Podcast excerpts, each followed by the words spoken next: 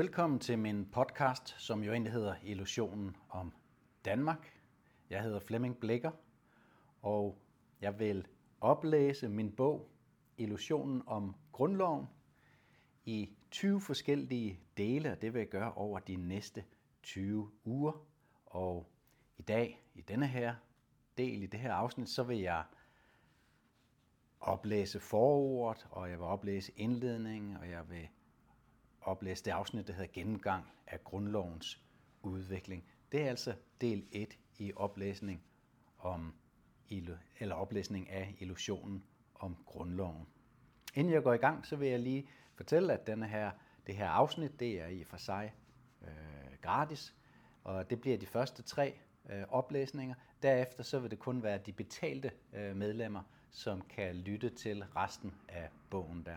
Ikke alene vil jeg oplæse bogen, jeg vil også kommentere, og jeg vil også ligesom, diskutere, monolog diskutere de uh, afsnit, som jeg læser op. Så det bliver sådan en, en hvad skal man sige, en lidt dybere forfatterens uh, tilgang til emnet. Jeg vil selvfølgelig altid starte med oplæsning først, og så er det godt være, at jeg lige gør nogle pauser undervejs, hvor jeg simpelthen ikke kan lade være andet end lige kommentere på tingene, men jeg vil prøve at holde mig til, at jeg først kommentere, når jeg er færdig med aflæsningen. Med det sagt, så øh, jeg skulle måske lige sige, at det koster 55 kroner om øh, måneden at være øh, betalende medlem af denne her podcast, skråstreg nyhedsblog. Man kan vist også betale for et år af gangen, så tror jeg også, det koster, kan det passe, det koster 550 kroner. Og så kan man også, hvis man øh, virkelig har lyst til at støtte med et øh, større beløb, så kan man blive det, der hedder founding øh, member. Jeg er ikke helt sikker på, at det koster noget mere.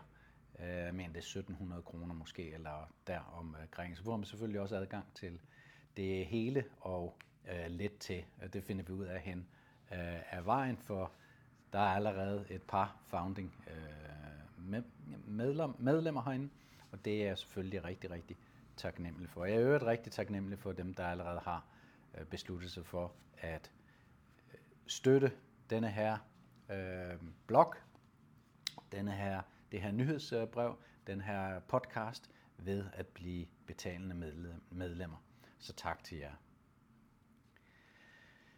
Illusionen om grundloven, et statskup over 175 år, det er fra 1849 til 24. Det er en bog, der er skrevet af mig selv, Flemming Blikker, og den udkom her i december 2023. Slår man op på bogens første, hvad skal man sige, flap, øh, omslag, der er der sådan en flap på, så får man sådan et overblik. 175 års grundlovshistorie hedder den figur. Og der kan man læ- læse sådan lidt, der er sådan nogle farvekoder på, hvor der er sådan en tidslinje fra 1849 og frem til 2024, hvor man kan følge med i, hvornår der kom en grundlov, hvornår der kom en grundlovsændring, hvornår der kom forsøgs på grundlovsændring, hvornår der kom øh, parlamentariske ændringer som systemskiftet i 1901. Man kan også følge med i, hvem der sidder som konge eller dronning i kongehusene, og man kan også se, hvad det er for nogle krige, som der pågår, øh, som involverer øh, Danmark på forskellige vis under den her 175 års grundlovshistorie. Og så er der også noget som for eksempel provisorietiden, der også er lagt ind, og øh, de her gange, hvor Danmark jo afgiver sin suverænitet, som også har noget med grundloven at gøre. Jeg vil selvfølgelig sige tak til Lone Nørgaard og Per Brandgaard for at lave nogle rigtig flotte anmeldelser af bogen, og de er også der på den første flap i bogens indbinding. Forord. Inden vi går til forord, så vil jeg lige sige en hjertefølt tak til Martin Tidsville for det fantastiske arbejde med at afdække afdække Danmarks sande grundlovshistorie. Og jeg vil gerne vise min taknemmelighed for Martin Tidsvildes uvurderlige indsats og hjælpe med til, at han fortsat tager rundt i landet med sine oplysende foredrag. Så for hver bog, der sælges, så går 5 kroner derfor til at dække omkostningerne i forbindelse med Martins ture rundt om i landet. Forår. Som det allerførste vil jeg forklare og undskylde over for alle jer, der venter på bog nummer 2 i trilogien Illusionen om Danmark, og som måske allerede har forudbestilt den. I mit arbejde med kapitlet om den demokratiske fiktion, blev det afsnit, der skulle have været en kort historisk gennemgang af grundloven, alt for omfattende. Da jeg vendte den ene sten, måtte jeg også vende den næste, og så den fortsatte det under 6-7 ugers efterforskning og skrivning. Hvis du har læst del 1 af trilogien, kan du formentlig genkende min fortællemåde, da jeg har en tendens til at fordybe mig i et emne. Og så er der nogle forskellige fodnoter her. Der er selvfølgelig en øh, fodnote til min hjemmeside, hvor man kan læse mere om trilogien og om illusionen om Danmark. Min hjemmeside den ligger på de tretalfiktioner.dk, altså de tre fiktioner.dk. Omtrent ved vejs ende befandt jeg mig i en besønderlig, euforisk sindstilstand. På den ene side var jeg overordentligt tilfreds med det gennemarbejdede stof over at kunne bekræfte Martin Tidsvilles kardinalpunkter omkring grundloven, hvilket jeg forinden havde haft stor forventning om ville ske. Og dog var det ikke alt, jeg kunne erklære mig fuldstændig enig med Tidsville i, trods det, at de vigtigste af hans udlægninger blev eftervist. Det gav derfor anledning til min egen månedlange grundlovsforskning, og jeg skal hilse at sige, at der ikke skal krattes særlig meget i overfladen, før grundloven falder fuldstændig til jorden og nærmest bliver til støv. Og stor tak til Martin Tidsville for at være en sand pioner, der afslører dette for en befolkning, som i øvrigt ikke virker sønderlig interesseret heri. Du kan læse mere om Tidsvilles arbejde i forår til Illusionen om Danmark del 1. Eller endnu bedre, læs hans trilogi omkring grundloven. Jeg er øvrigt overbevist om, at du vil få mere ud af Martins bøger, efter at have læst nærværende bog. Bøgerne er absolut essentielle at læse, hvis du vil dykke længere ned i grundlovens historie.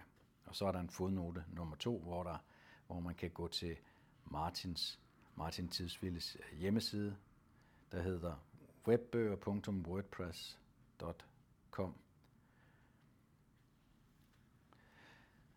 Min egen historiske gennemgang af grundloven, af grundlovene fra junigrundloven af 1849 til den nugældende grundlov af 1953 afslørede så gennembrydende ny viden for mig, at det ikke blot skulle være en del af en større bog. Blandt andet faldt det mig for brystet, hvor misinformeret jeg er blevet af historikerne omkring systemskiftet i 1901, som ifølge dem skulle markere overgangen til parlamentarisme i Danmark, hvilket er usandt. Men, men de samlede informationer fortjente at blive præsenteret særskilt, så de tog sig helt klart ud for det, de var. Nemlig et bevis på det vanvid, der har præget danske magthavere fra midten af 1800-tallet og frem til i dag. Samt et bevis på, hvordan danskerne er blevet ført bag lyset, hvilke tidsvilder har fremført og dokumenteret i mange år. Med de nye sten, der nu er blevet vendt, og med min lyst og formåen til at beskrive historien, er denne bog tvingende nødvendig for Danmarks og for det danske folks fremtid. Nødvendigheden består i, at vi i Danmark er ved at blive historieløse, for vi har fuldstændig glemt, hvordan vi er kommet frem til det punkt, hvor vi står i dag. Især på, især på det forfatningsmæssige område, hvor vores historikere desværre ikke tør udfordre dem, der betaler for deres arbejde. Hvis vi ikke ved, hvordan vi er kommet frem til den midlertidige destination, hvor vi befinder os, hvordan skal vi så komme videre i den rigtige retning? Forestil dig, at du står på den amerikanske prærie, og der løber et jernbanespor fra den ene horisont og tværs over landskabet til den anden. Hvis du ikke ved, om du er på vej fra østkysten til vestkysten, eller omvendt, hvordan skal du så vide, i hvilken retning du skal bevæge dig? På samme måde er det med Danmarks forfatningsmæssige tilstand. Vi aner stort set intet om, hvordan vi er kommet frem til det punkt, hvor vi befinder os nu. Og derfor er den videre, videre vej frem en form for russisk roulette, hvor fem ud af revolverens seks kammer er fyldt med dødbringende ammunition. For at forhindre en fortsættelse af denne russiske roulette med vores fædreland som indsats, opfordrer jeg enhver dansker, der virkelig ønsker det bedste for fremtidens Danmark, at læse med om grundlovens sande historie. I slutningen af bogen vil du også finde løsninger til, hvordan vi overkommer de udfordringer, som bogen sætter fokus på.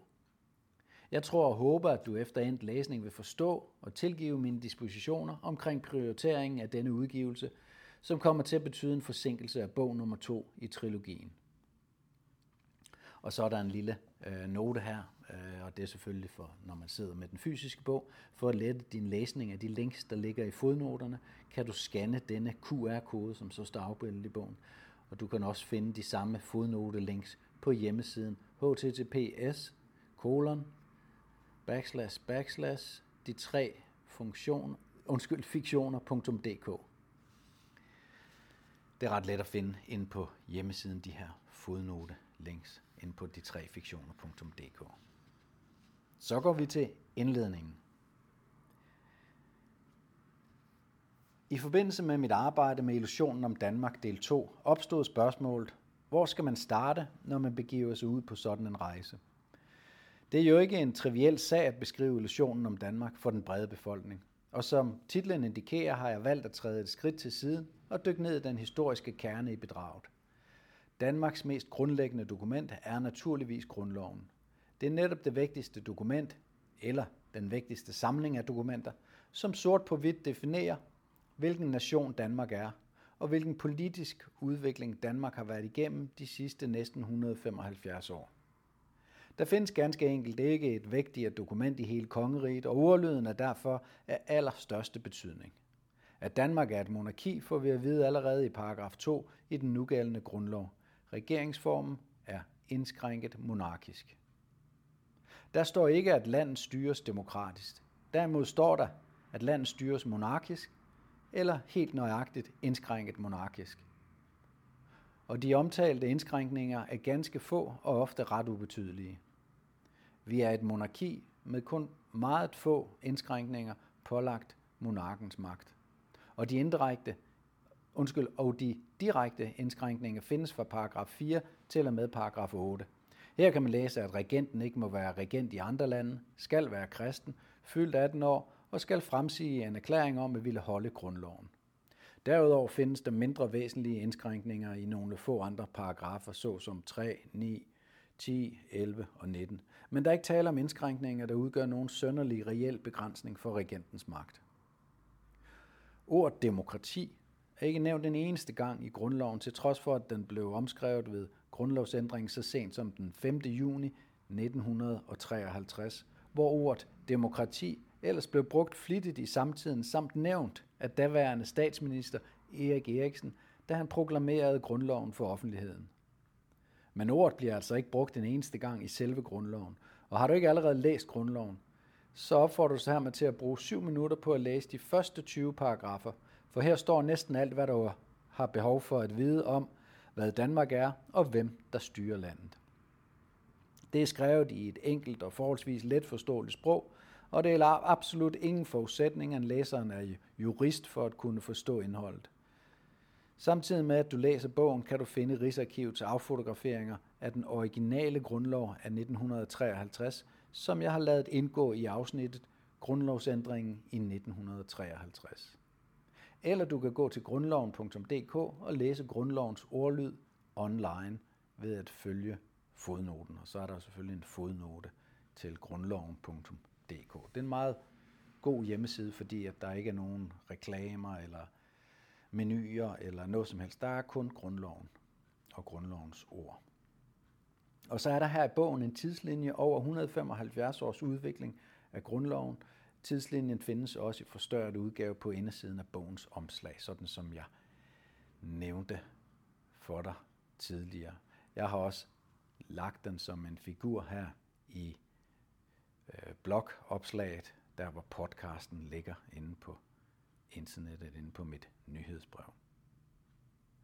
Som du vil erfare, har de forgangne knap 175 års udvikling af grundloven ikke været til gunst for hverken befolkningen eller demokratiet, selvom det nøjagtigt er det, befolkningen er blevet indoktrineret til at tro.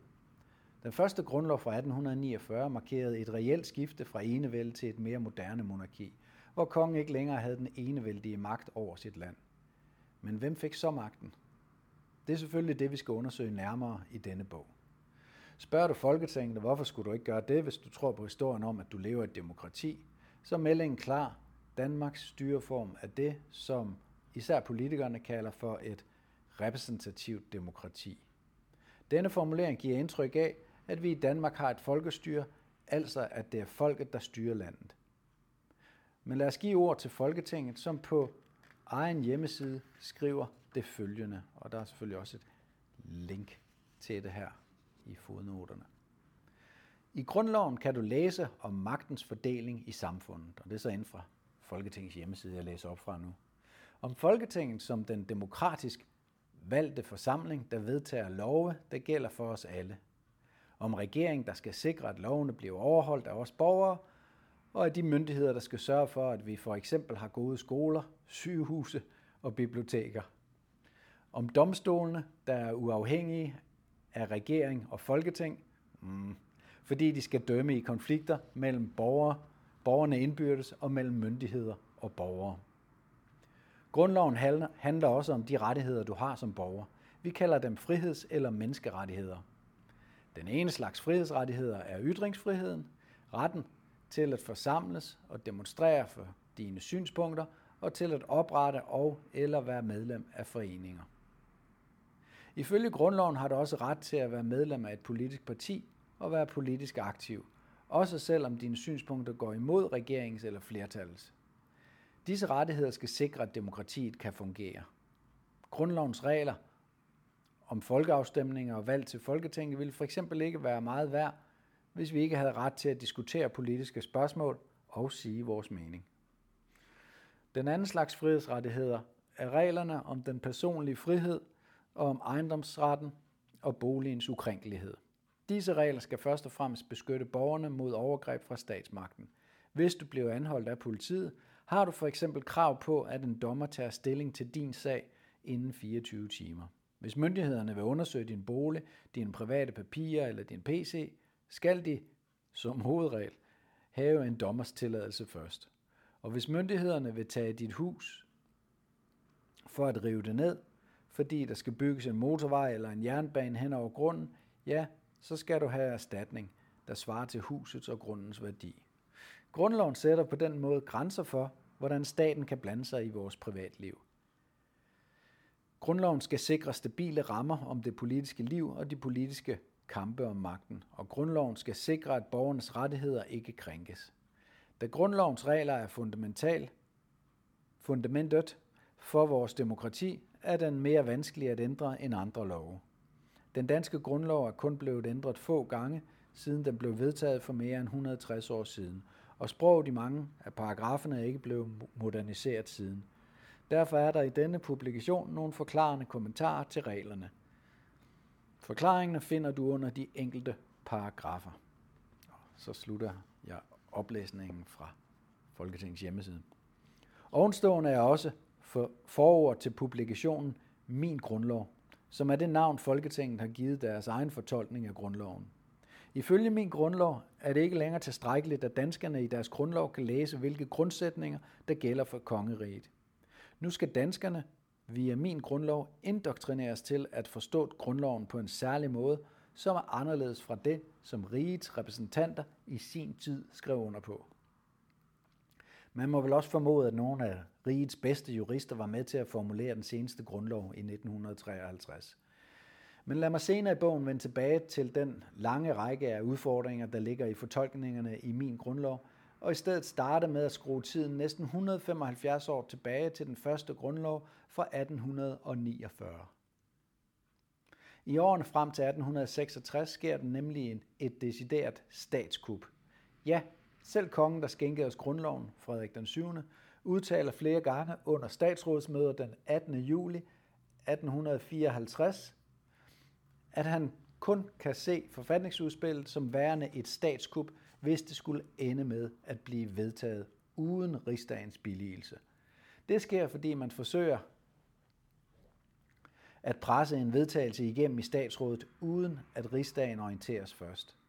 Den nye grundlov endte desværre med at blive vedtaget på netop denne måde, og dele af den trådte i, og dele af den trådte i kraft allerede i 1854.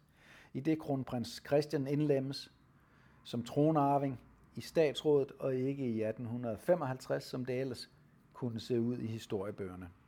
Statskuppet blev senere fuldbyrdet ved grundlovsændringen i 1863 og 1866, og med de tre grundlovsændringer i 1900-tallet, undskyld, i 1900-tallet er det blevet så fuldendt et statskup, at danskerne ikke er klar over, at de er blevet kuppet. Men tag ikke mine ord for det, for Frederik den 7. udtalte hele to gange på, statsråds, på et statsrådsmøde den 18. juli 1854, at han mente, at der var et statskup undervejs. Dog bukker han under for presset fra ministerne i det samlede statsråd, og statskuppet er igangsat. Og så er der et øh, billede, hvor man kan se, at øh, Frederik den 7.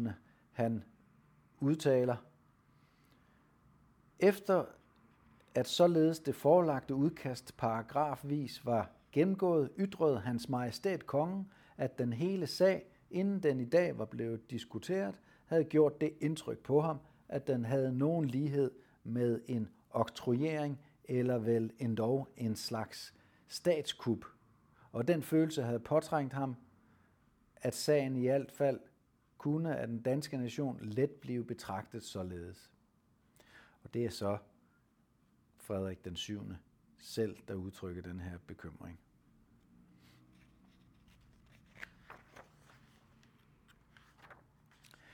Men er det ikke underordnet, om der, om der var tale om et statskup eller ej?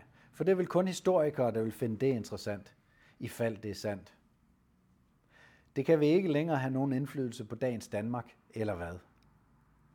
Inden spørgsmålene her besvares, er der en særlig omstændighed, som bør, som bør få de fleste til at spære øjnene gevaldigt op. Folketinget lyver nemlig på deres egen hjemmeside om netop de to grundlove fra 1855 og 1863, og forsøger at få det til at se ud som om, at disse to grundlove aldrig har eksisteret. Hvorfor mund? Det er et interessant spørgsmål, og det skal også behandles i det følgende afsnit. Nu skal du læse den virkelige historie om grundloven. Det er en historie, som endnu ikke er blevet fortalt i danske skoler og på danske læreanstalter, og der slet ikke på jurastudiet. Jeg har en god bekendt, Julius, som har denne beskrivelse af jurastudiets første semester, som han selv har gennemgået. Først skulle vi læse grundloven, så skulle vi læse fortolkningerne af grundloven. Læs, der står i parentes, læs Folketingets min grundlov. Og så skulle vi til eksamen. Det underfundige var, at vi ikke skulle til eksamen i grundloven, men i fortolkningerne af grundloven. Julius har endvidere fortalt mig, at de særligt lærte en sætning at kende i forbindelse med undervisningen i grundloven. Den lyder således. Formelt er kongen en realitet, men reelt er kongen en formalitet.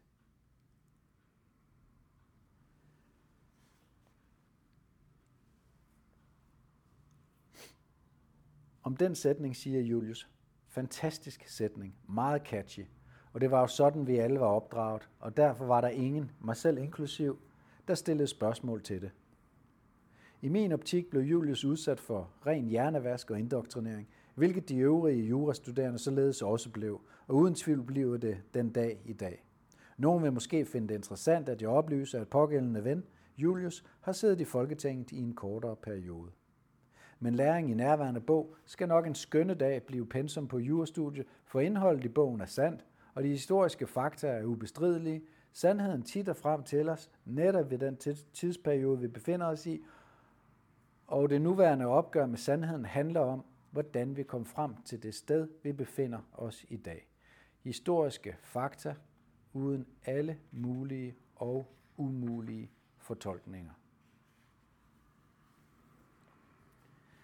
Gennemgang af grundlovens udvikling. Historien om grundloven starter selvfølgelig mange år før vi faktisk får grundloven. Oplysningstidens filosofer havde inspireret mange af de danskere, der lavede det hårde forarbejde for, at en grundlov kunne blive indført i Danmark. Det er folk som J.J. Dampe, Sten Stensen Blækker, D.G. Monrad, Orla Lehmann, NFS Grundtvig, Frederik Barfod, Karl Plau, Peter Hansen, Rasmus Sørensen og ikke mindst krigsminister A.F. Stjerning. Sidstnævnte blev som krigsminister en helt central figur i den hektiske politiske tid omkring tilblivelsen af grundloven, hvor der reelt var borgerkrig i Danmark. Alene kundgørelsen den 28. januar 1848, kort efter Christian 8. død om, at der var en grundlov på vej for kongeriget Danmark, gav uro i hertugdømmerne Slesvig og Holsten. Det var en uro, som kom til at præge forfatningskampen voldsomt frem til 1920, hvor den nuværende grænsedragning mellem Danmark og Tyskland blev vedtaget. Da uroen i hertugdømmerne bliver til et decideret oprør, indkalder de nationalliberale til et møde i København, et møde, som er gået over i historien som casinomødet. På mødet, på mødet vedtager de 2.500-3.000 deltagere at skrive en henvendelse, en såkaldt adresse til Frederik den 7. om at fyre den siddende inkompetente regering, som kongen har arvet efter sin far. Da Lehmanns Jerning, Clausen og Witt næste dag ledsaget af en folkemængde på 15-20.000 mennesker afleverer adressen, har Frederik den 7. allerede afskedet sine minister på den nyudnævnte geheimestatsministers foranledning. Men nyheden derom får begivenhederne i Slesvig til at eskalere til borgerkrigslignende tilstande. Prinsen af Nør besætter kongerigets næststørste fæstning, Rensborg, på grænsen mellem Slesvig og Holsten, og det blev startskuddet til treårskrigen – fra 1848 til 1851. Danmark er altså i krig, da Frederik den 7. skænker Danmarks rige en grundlov. Men lad os for overskuelighedens skyld starte året efter den gamle konges død, og året efter, at min tibollefar, digterpræsten Sten Stensen Blikker, også døde. Netop den gamle Blikker havde agiteret kraftigt for en realisering af oplysningstidens tanker for samfundet – blandt andet via møderne på Himmelbjerget 1839 til 1844 med ham selv som initiativtager. Og så er der her et billede i øh, bogen. Under, øh, under billedet står der teksten, Politimanden Vagn og jeg får os en sludder grundlovsdag 5. juni 2023 på Himmelbjerget ved min tibollefar Sten Stesen Blikkers mindesten. Fotoet er taget af Annie Søltoft. Der står simpelthen en mindesten til ære for Sten Stesen Blikker midt på Himmelbjerget. Står meget, meget centralt midt på den store Himmelbjergs plæne. Og der står jeg selv og Wagner så her på sådan en dejlig sommerdag og snakker lidt om løst og fast, om grundloven og om rigets tilstand og ikke mindst politiets tilstand. Nu skal jeg selvfølgelig ikke udlevere Vagn, så han ikke får sig sin pension. Men øh, det var i hvert fald en øh, meget, meget rar, øh, lidt ældre øh, landbetjent i, øh, i, i Vagn. Der det var virkelig øh, skønt at have ham og hans øh, kolleger ude på Himmelbjerget øh, den dag. Sådan som det skal være. Sådan som det burde være med en ordensmagt, som var på folkets side.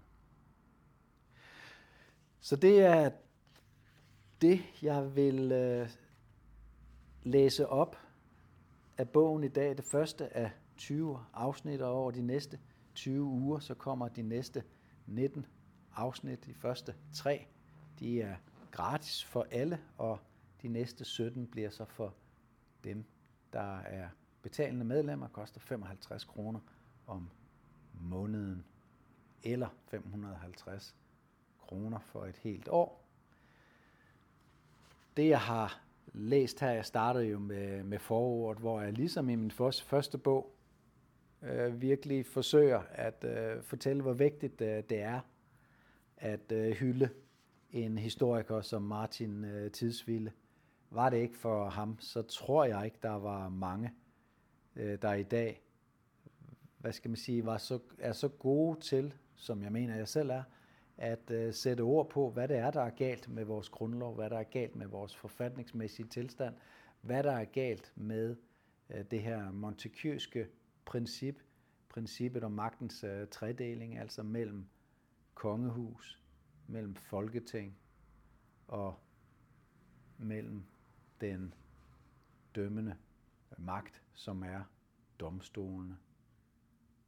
Og det er der, hvor det går helt øh, galt, og det skal vi selvfølgelig vende tilbage til, fordi at der bliver nemlig ændret en, øh, en del i den her magtens øh, tredeling i løbet af de her 175 år. Men altså som, som vi også kan høre, jamen altså så er der jo, der er jo borgerkrig i, øh, i Danmark. øh, mens at øh, den grundlovgivende forsamling, det er martsministeriet. Frederik, det, det er sådan her, at, øh, at her i, i marts måned i 1848, det er det, er det som historikere kalder revolutionsåret, fordi at der sker en uh, række revolutioner i hele uh, Europa, og det er blandt andet i, øh, i de tyske forbunds, øh, øh, hvad hedder det, ja, de tyske forbundsstater, uh, det er i Østrig, Ungarn og det er i Italien og det er i, i Polen. Der er simpelthen revolutionerne, de ruller ind over øh, Europa, og det er selvfølgelig som følge af alle de her oplysningsfilosofer, som jo har i, gennem hele 1700-tallet øh, folk som John Locke og øh, ja, Montesquieu, som jeg også øh, nævnte, og Thomas øh, Paine, øh, som både var aktiv i England, i Frankrig, og som udgav øh, en, øh, en, en bog, som ligesom blev øh, grundlaget for den om amerikanske uafhængighedskrig fra, fra englænderne. Så de her filosofer, de snakker om folkets øh, rettigheder, de snakker om øh, frihed, de snakker om frihed fra øh, slaveri, fra, fra stavnsbinding øh, og fra øh, tyranner. Øh, Thomas Paine nævner blandt andet øh, Danmark som et øh, dårligt ek- eksempel det er selvfølgelig tilbage i slutningen af 1700-tallet, så på det her tidspunkt er Danmark under enevæld. Men han nævner Danmark som et øh, dårligt eksempel på et land, hvor at øh, folket ligesom er slaver af øh, systemet, og hvor der er en øh, vis elite, som, øh, som bestemmer det selvfølgelig øh, adel og, og, og kongehus at øh, Thomas Paine han øh, hensyder til. Og det er altså nogle ting, som øh, forplanter sig rundt i Europa, i øh, befolkningen, i den almindelige befolkning. Øh, det er også sådan, at øh, øh, folk bliver øh, bedre og bedre til at læse og, og skrive. Der bliver bedre skoler osv. Der er jo ikke et udbygget øh, skolevæsen øh, som sådan på det her øh, tidspunkt for, for alle i, i hvert fald. Men, men øh, folk bliver mere og mere øh, uddannet, øh, for ligesom højere og højere øh, bevidsthed om, øh, om dem selv og om deres øh, samfund. Øh, og, og informationerne, øh, telegraf og øh, togbaner og, øh, og sådan nogle øh, ting er jo med til, at øh, det bliver lettere at følge med i, hvad der foregår rundt omkring i, øh, i verden. Og det er så det, der gør, at befolkninger rundt omkring, de øh, tyrer til øh, revolutioner. Men revolutioner har jo øh, altid øh, to sider. Der er dem, som gerne vil have en revolution, og så er der Øh, de konservative, som bare gerne vil beholde status øh, quo, og det er jo fordi, de øh, i stor udstrækning sig selv sidder ved magten, og derfor øh, ikke har lyst til, at øh, magtfordelingen skal, skal ændre sig. Når der så kommer en revolution, så de her revolutionære kræfter, de bliver så øh, mødt af reaktionære kræfter, altså kræfter, der agerer på øh, revolutionen.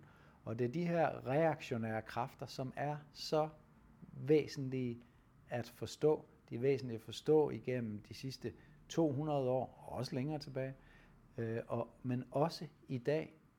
Det er meget, meget vigtigt at forstå, at øh, kongehuset er den største reaktionære kraft i, øh, i Danmark overhovedet. Der er ingen, der mere end kongehuset vil bruge al deres magt, saft og kraft på at beholde tingene øh, i en øh, status øh, quo. Og det er vigtigt at forstå. Og, og Folketinget er i og for sig en del af denne her reaktionære øh, bevægelse. Det skal vi nok komme øh, nærmere ind på øh, senere i, øh, i bogen. Så øh, sådan kom vi i gang med illusionen om grundloven, et statskup, som er foregået over 175 år. Og jeg kan da lige som, øh, som en lille øh, indskydelse øh, sige, at jeg har sendt øh, denne her øh, bog til øh, to historikere på Aarhus Universitet. Aarhus Universitet driver en hjemmeside, der hedder danmarkshistorien.dk, Og vi får nogle meget, meget interessante øh, snakke øh, med dem. Det er især sådan noget som parlamentarismen, at, øh, men det kommer vi også tilbage til, at øh, de, øh, de har meget, meget svært ved at, og argumentere for det, der står i historiebøgerne.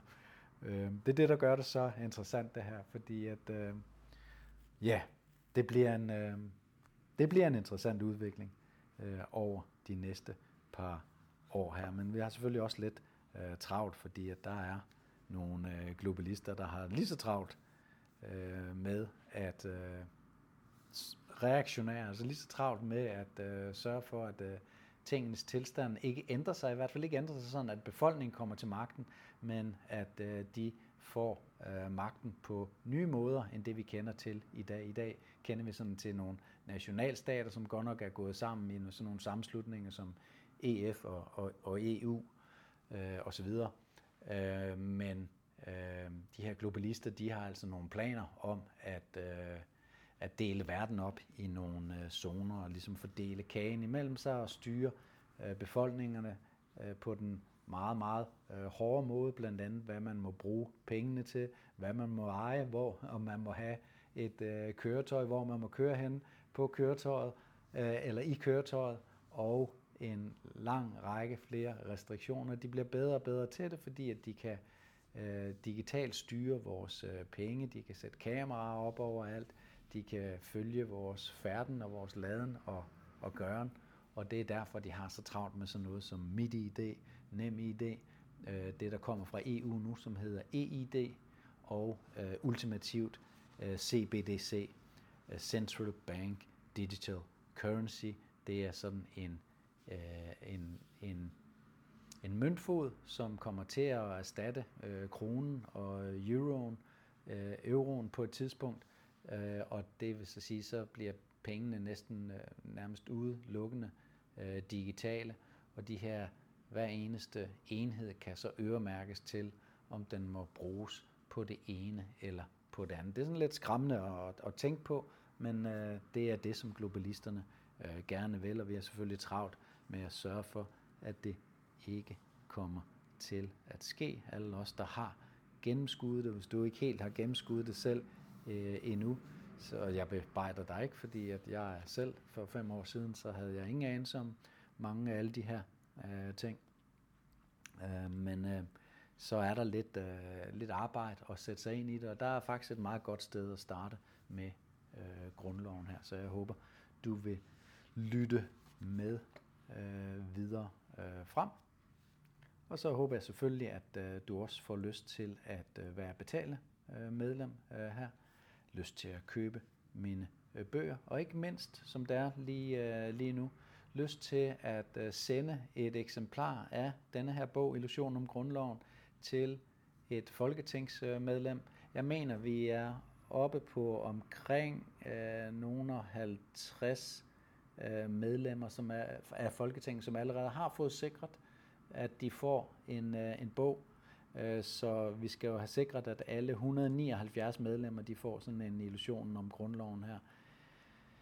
Øhm, så, så hvis du har lyst til at støtte med, med 100 kroner, for hver 100 kroner, så er der en, et folketingsmedlem, der kan få en, øh, en, en bog. Og hvis vi kommer over 100 forudbestillinger til de her folketingsmedlemmer, så skal jeg nok sørge for, at øh, de sidste 79 øh, får en øh, bog også. Så sørger jeg for at øh, lægge bøger til, og jeg skal også nok pakke dem pænt ind, sådan som jeg også gjorde med illusionen om, om Danmark. Øh, pakke dem pænt ind og ind, og sørge for, at de bliver afleveret pænt i dueslaget inde på Christiansborg. Og så vil jeg selvfølgelig lave en lille øh, opdatering, en video eller en podcast, der er indenfra, indenfra for at holde dig og andre orienteret om det.